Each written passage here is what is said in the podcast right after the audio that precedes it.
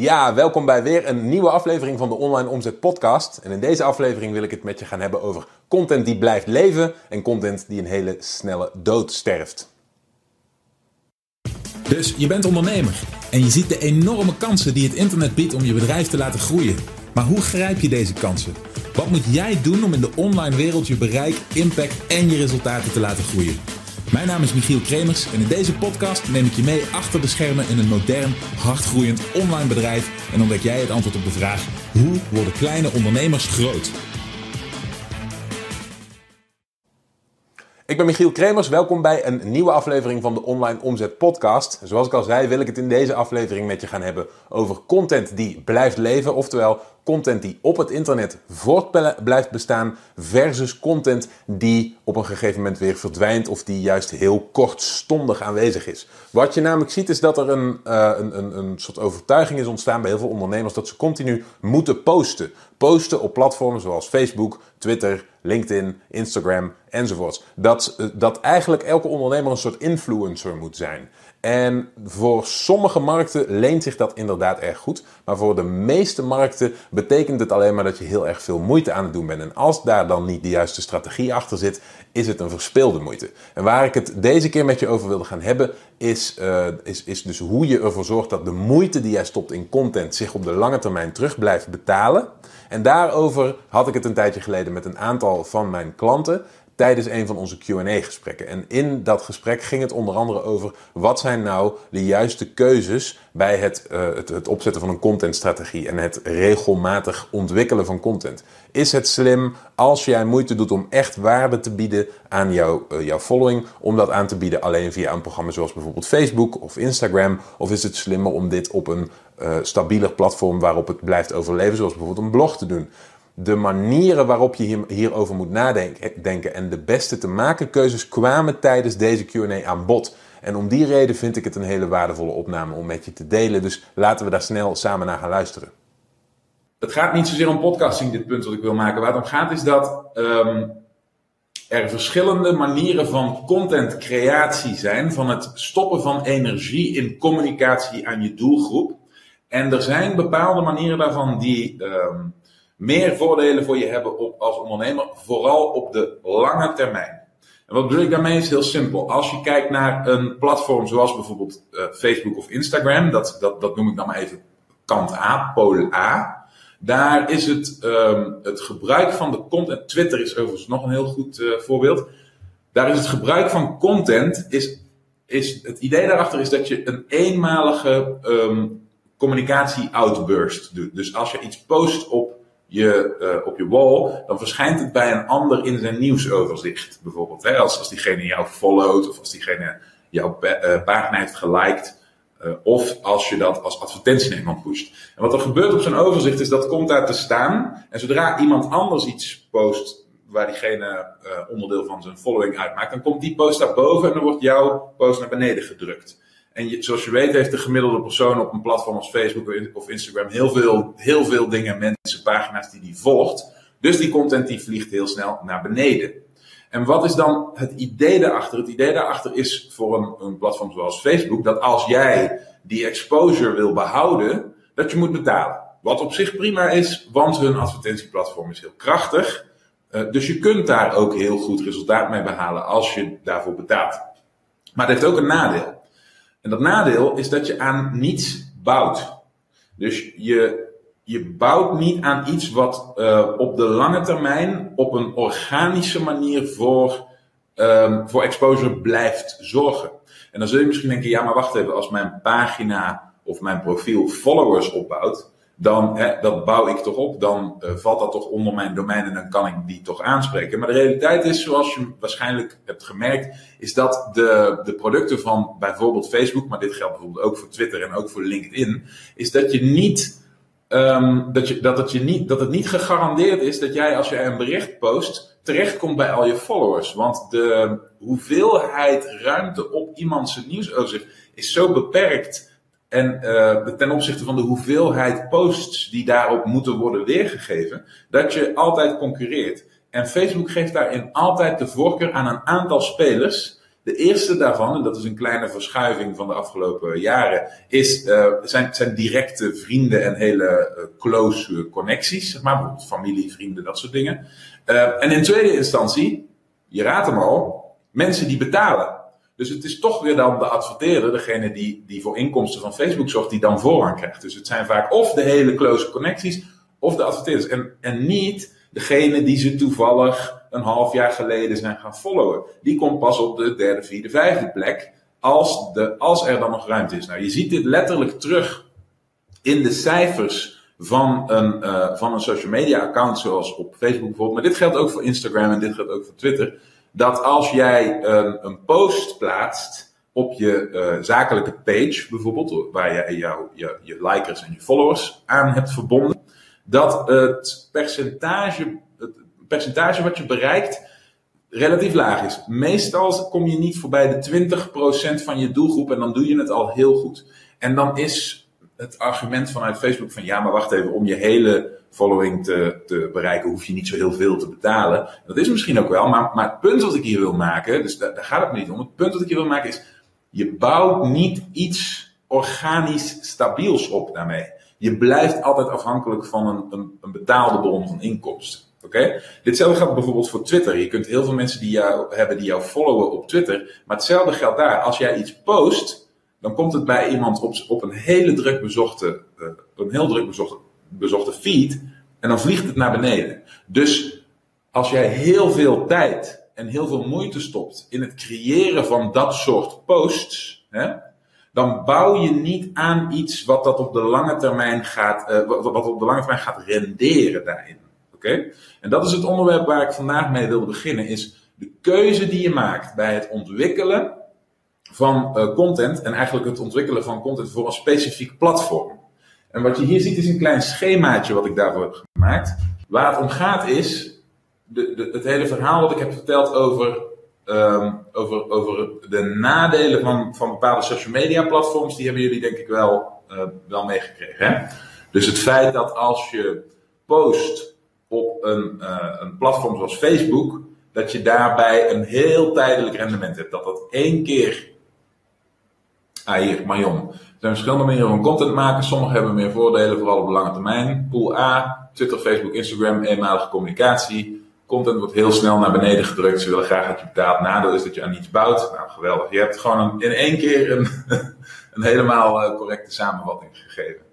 Organische manier van exposure zorgt. Je posts worden niet zoveel getoond. Je concurreert met andere aanbieders. Bij Facebook gaan vrienden en adverteerders voor. Energie die je daarin stopt, rendeert niet op de lange termijn. Dankjewel, halleluja. Want dat is precies het punt wat ik wilde maken. Het rendeert niet op de lange termijn. Daar pak ik het weer op, want dat is waarover ik het vandaag wilde hebben. Als je ervoor kiest om energie te stoppen in kwaliteit content, in uh, materiaal waarbij je, waarbij, je, uh, waarbij je niet, zeg maar, licht en vluchtig post zoals je op social media doet, maar waarbij je bijvoorbeeld een doelgroep echt helpt, waarbij je echt wil gaan voor A-kwaliteit, dan wil je dat niet doen voor een vluchtig platform zoals bijvoorbeeld Twitter, Facebook, Instagram, dan wil je dat je aan iets bouwt. Oké? Dat je daar over de lange termijn rendement op behaalt. En dan is, is de, de betere keuze om te kiezen voor een platform waarop content blijft leven. En dat is het verschil tussen een platform zoals Facebook, Twitter, Instagram ook, hetzelfde verhaal. Of um, LinkedIn ook ik, hetzelfde verhaal. En Instagram natuurlijk ook. En platformen zoals um, site content, blog content en YouTube.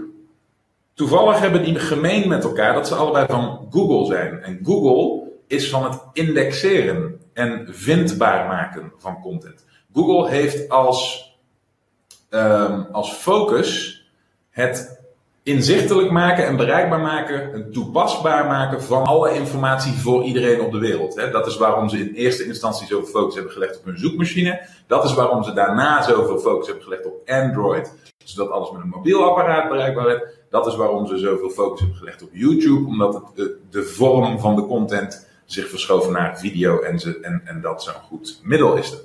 En wat je dan veel beter kunt doen is als je moeite doet voor het ontwikkelen van, van kwaliteit content, is ervoor zorgen dat het geschikt is voor die kanalen. Oké? Dus zoals je ziet heb ik hier een overzichtje gemaakt. De W staat eigenlijk voor WordPress, oftewel je blog websites waarop je geschreven blogartikelen of content kunt plaatsen. En de andere staat voor video, oftewel YouTube, waarop je dingen wil doen. En jij als ondernemer staat hier in het midden met de keuze om te gaan werken aan een nieuw stuk content. En dan is het punt wat ik wil maken, is het beste wat je kunt doen, is kiezen voor één van deze twee. En dan maakt het niet uit of het de linker of de rechter is, maar dan geef ik als voorbeeldje even dat je zou kiezen voor het maken van een video, een korte video. Dus stel jij hebt iets waardevols te vertellen. Stel in jouw geval bijvoorbeeld Femke, uh, jij hebt een, een, hele goede tip voor mensen die worstelen met overgewicht, want je hebt ontdekt dat ze allemaal uh, rauwe selderij moeten gaan eten. Ik zeg maar wat. Hè? Stel dat dat het punt is. En jij hebt een heel stevig stukje uitleg over waarom dat zo goed werkt. En jij hebt de gezondheidsvoordelen daarvan helder voor ogen. En jij kunt ze in, uh, in, in 10 minuten een gigantisch krachtig verhaal vertellen over waarom iedereen rauwe selderij zou moeten gaan eten. Oké? Dan, kan, dan kan het dus zo zijn dat jij ervoor kiest om een kwaliteitsstuk content over dat onderwerp te gaan maken. En in, in deze situatie zou ik je in zo'n geval aanraden dat te doen in de vorm van een video. Wat je simpelweg doet is je schrijft daar een scriptje of een, uh, of, of een cue card voor, zodat je de inhoud gemakkelijk kunt overbrengen. En vervolgens neem je dat op een hele laagdrempelige manier op met je webcam of met een losstaande videocamera of wat dan ook. Daar kun je een hele eenvoudige setup voor maken. Je ziet dat ik hier, ik heb een wit uh, scherm hier op de achtergrond, ik heb een paar lampen, ik heb een paar camera's en that's it. Maar je komt er je komt er met een, een, simpele webcam en nog niet eens een mooie achtergrond, kom je ook al een heel eind.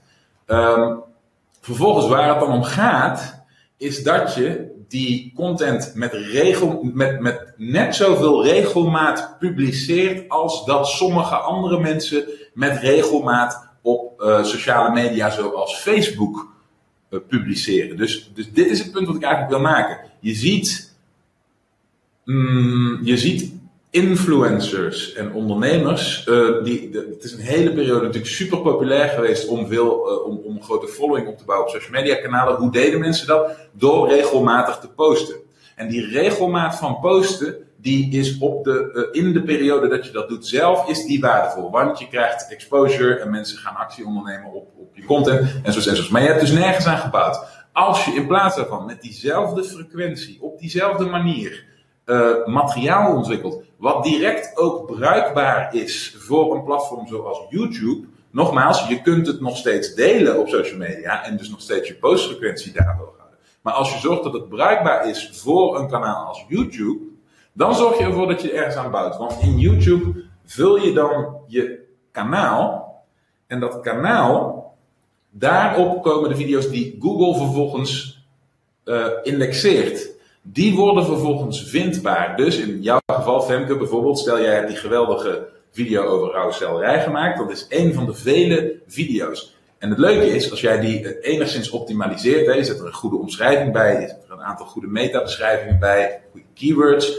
Um, tegenwoordig indexeert Google bijna de gehele gesproken tekst ook al helemaal automatisch. Wat er dan gebeurt is, als iemand gaat zoeken op uh, tips om af te vallen, dan ben jij, omdat je geïndexeerd bent, ben jij een potentieel zoekresultaat in YouTube. Oké? En hier zit het verschil. Dat is volgend jaar nog steeds zo. En dat is, mits jouw video tijdloos en van kwaliteit is, over twee jaar nog steeds zo en over drie jaar nog steeds zo. Maar in de tussentijd, in die twee, drie jaar, heb je nog een video en nog een video en nog een video en nog een video en nog een video gemaakt. En heb je dat hele kanaal kunnen vullen en dan krijg je een stukje compounding interest, zoals je dat in de financiële wereld ook hebt. Dan gaat jouw, um, dan gaat jouw content, content elkaar versterken. En de manier waarop het dit doet is, je hebt mensen bereikt met je content. Uh, Google ziet, hè, dus YouTube in dit geval ziet, dat jij waardevolle content creëert. Jouw YouTube kanaal bevat op termijn een steeds groter aandeel waardevolle content. Dus YouTube beschouwt dat kanaal als een betrouwbare bron van goede informatie en wordt steeds meer geneigd om jouw content eerder in die zoekresultaten te tonen dan andermans content die die rapport niet heeft, die niet die autoriteit heeft opgebouwd op deze manier. Dus dat is één reden om dit te doen. En het tweede is, als jij een grote hoeveelheid followers hebt opgebouwd, wat, wat op een organische manier gebeurt als je blijft waardevolle materiaal in uh, je YouTube kanaal blijft posten, dan uh, wat dat doet, is dan krijgen al die volgers krijgen op het moment dat jij iets nieuws post, krijg je een melding, waardoor elke nieuwe video die jij post automatisch meteen heel veel meer exposure krijgt. Dus wat, wat hier gebeurt is op een organische manier, met dezelfde moeite die sommige mensen nu stoppen in het regelmatig posten op een platform zoals Facebook, bouw je nu voor de lange termijn iets op wat kan blijven renderen. Oké? Als het niet bruikbaar is voor, je, uh, voor, voor directe call to action, hè, zoals we dat noemen, direct response marketing, waar we het in dit programma in principe over hebben. We willen mensen in onze, ons verkooptraject sturen. Wat je heel simpelweg kunt doen door aan het einde van ieder, iedere video een call to action op te nemen. Ze simpelweg uit te nodigen om je gratis opt-in incentive te downloaden of aan te vragen via een link die je in de beschrijving zet, iets in die richting. Maar stel dat al die, die dingen falen, dan heb je op zijn minst nog een groot YouTube kanaal wat ook weer gemonetized kan worden en waar je ook weer een stukje inkomen uit kunt gaan halen. Nogmaals, dat, dat, dat is geen vetpot, maar dat is wel stabiel, structureel en dat groeit. Oké? Dus dat is iets waar je over de lange termijn aan kunt bouwen. Dat is alleen nog maar stap 1 van dit hele verhaal. Nou, wat gebeurt er nu? Dit is het punt en hier wordt het pas echt interessant. Als je die moeite hebt gestopt, stel dat je dat één keer per week doet. Dan stop je één keer per week, stop je moeite in het opnemen van een goede kwaliteit inhoudelijke video met een heldere structuur. Oké, die gewoon een vraag of een, een punt bij jouw doelgroep afdekt. Dan kun je met relatief weinig moeite, hier zie je het verband, dat materiaal doorsturen naar een freelancer, iemand op tekstbroker, een, uh, een of in het ergste geval kun je daar in, het, in de beginperiode zelf aan werken. En dan zet je dat materiaal om in een blogpost. Oké? Waarom een blogpost? Ook weer hetzelfde verhaal. Hè? We hebben YouTube aan de ene kant en je blog aan de andere kant. Waarom een blogpost? Om de simpele reden dat ook die blogartikelen, of nou ik noem het blogs, maar blog is niet zo belangrijk. Die artikelen, dat leesbare inhoudelijke materiaal, dat wordt weer geïndexeerd door Google.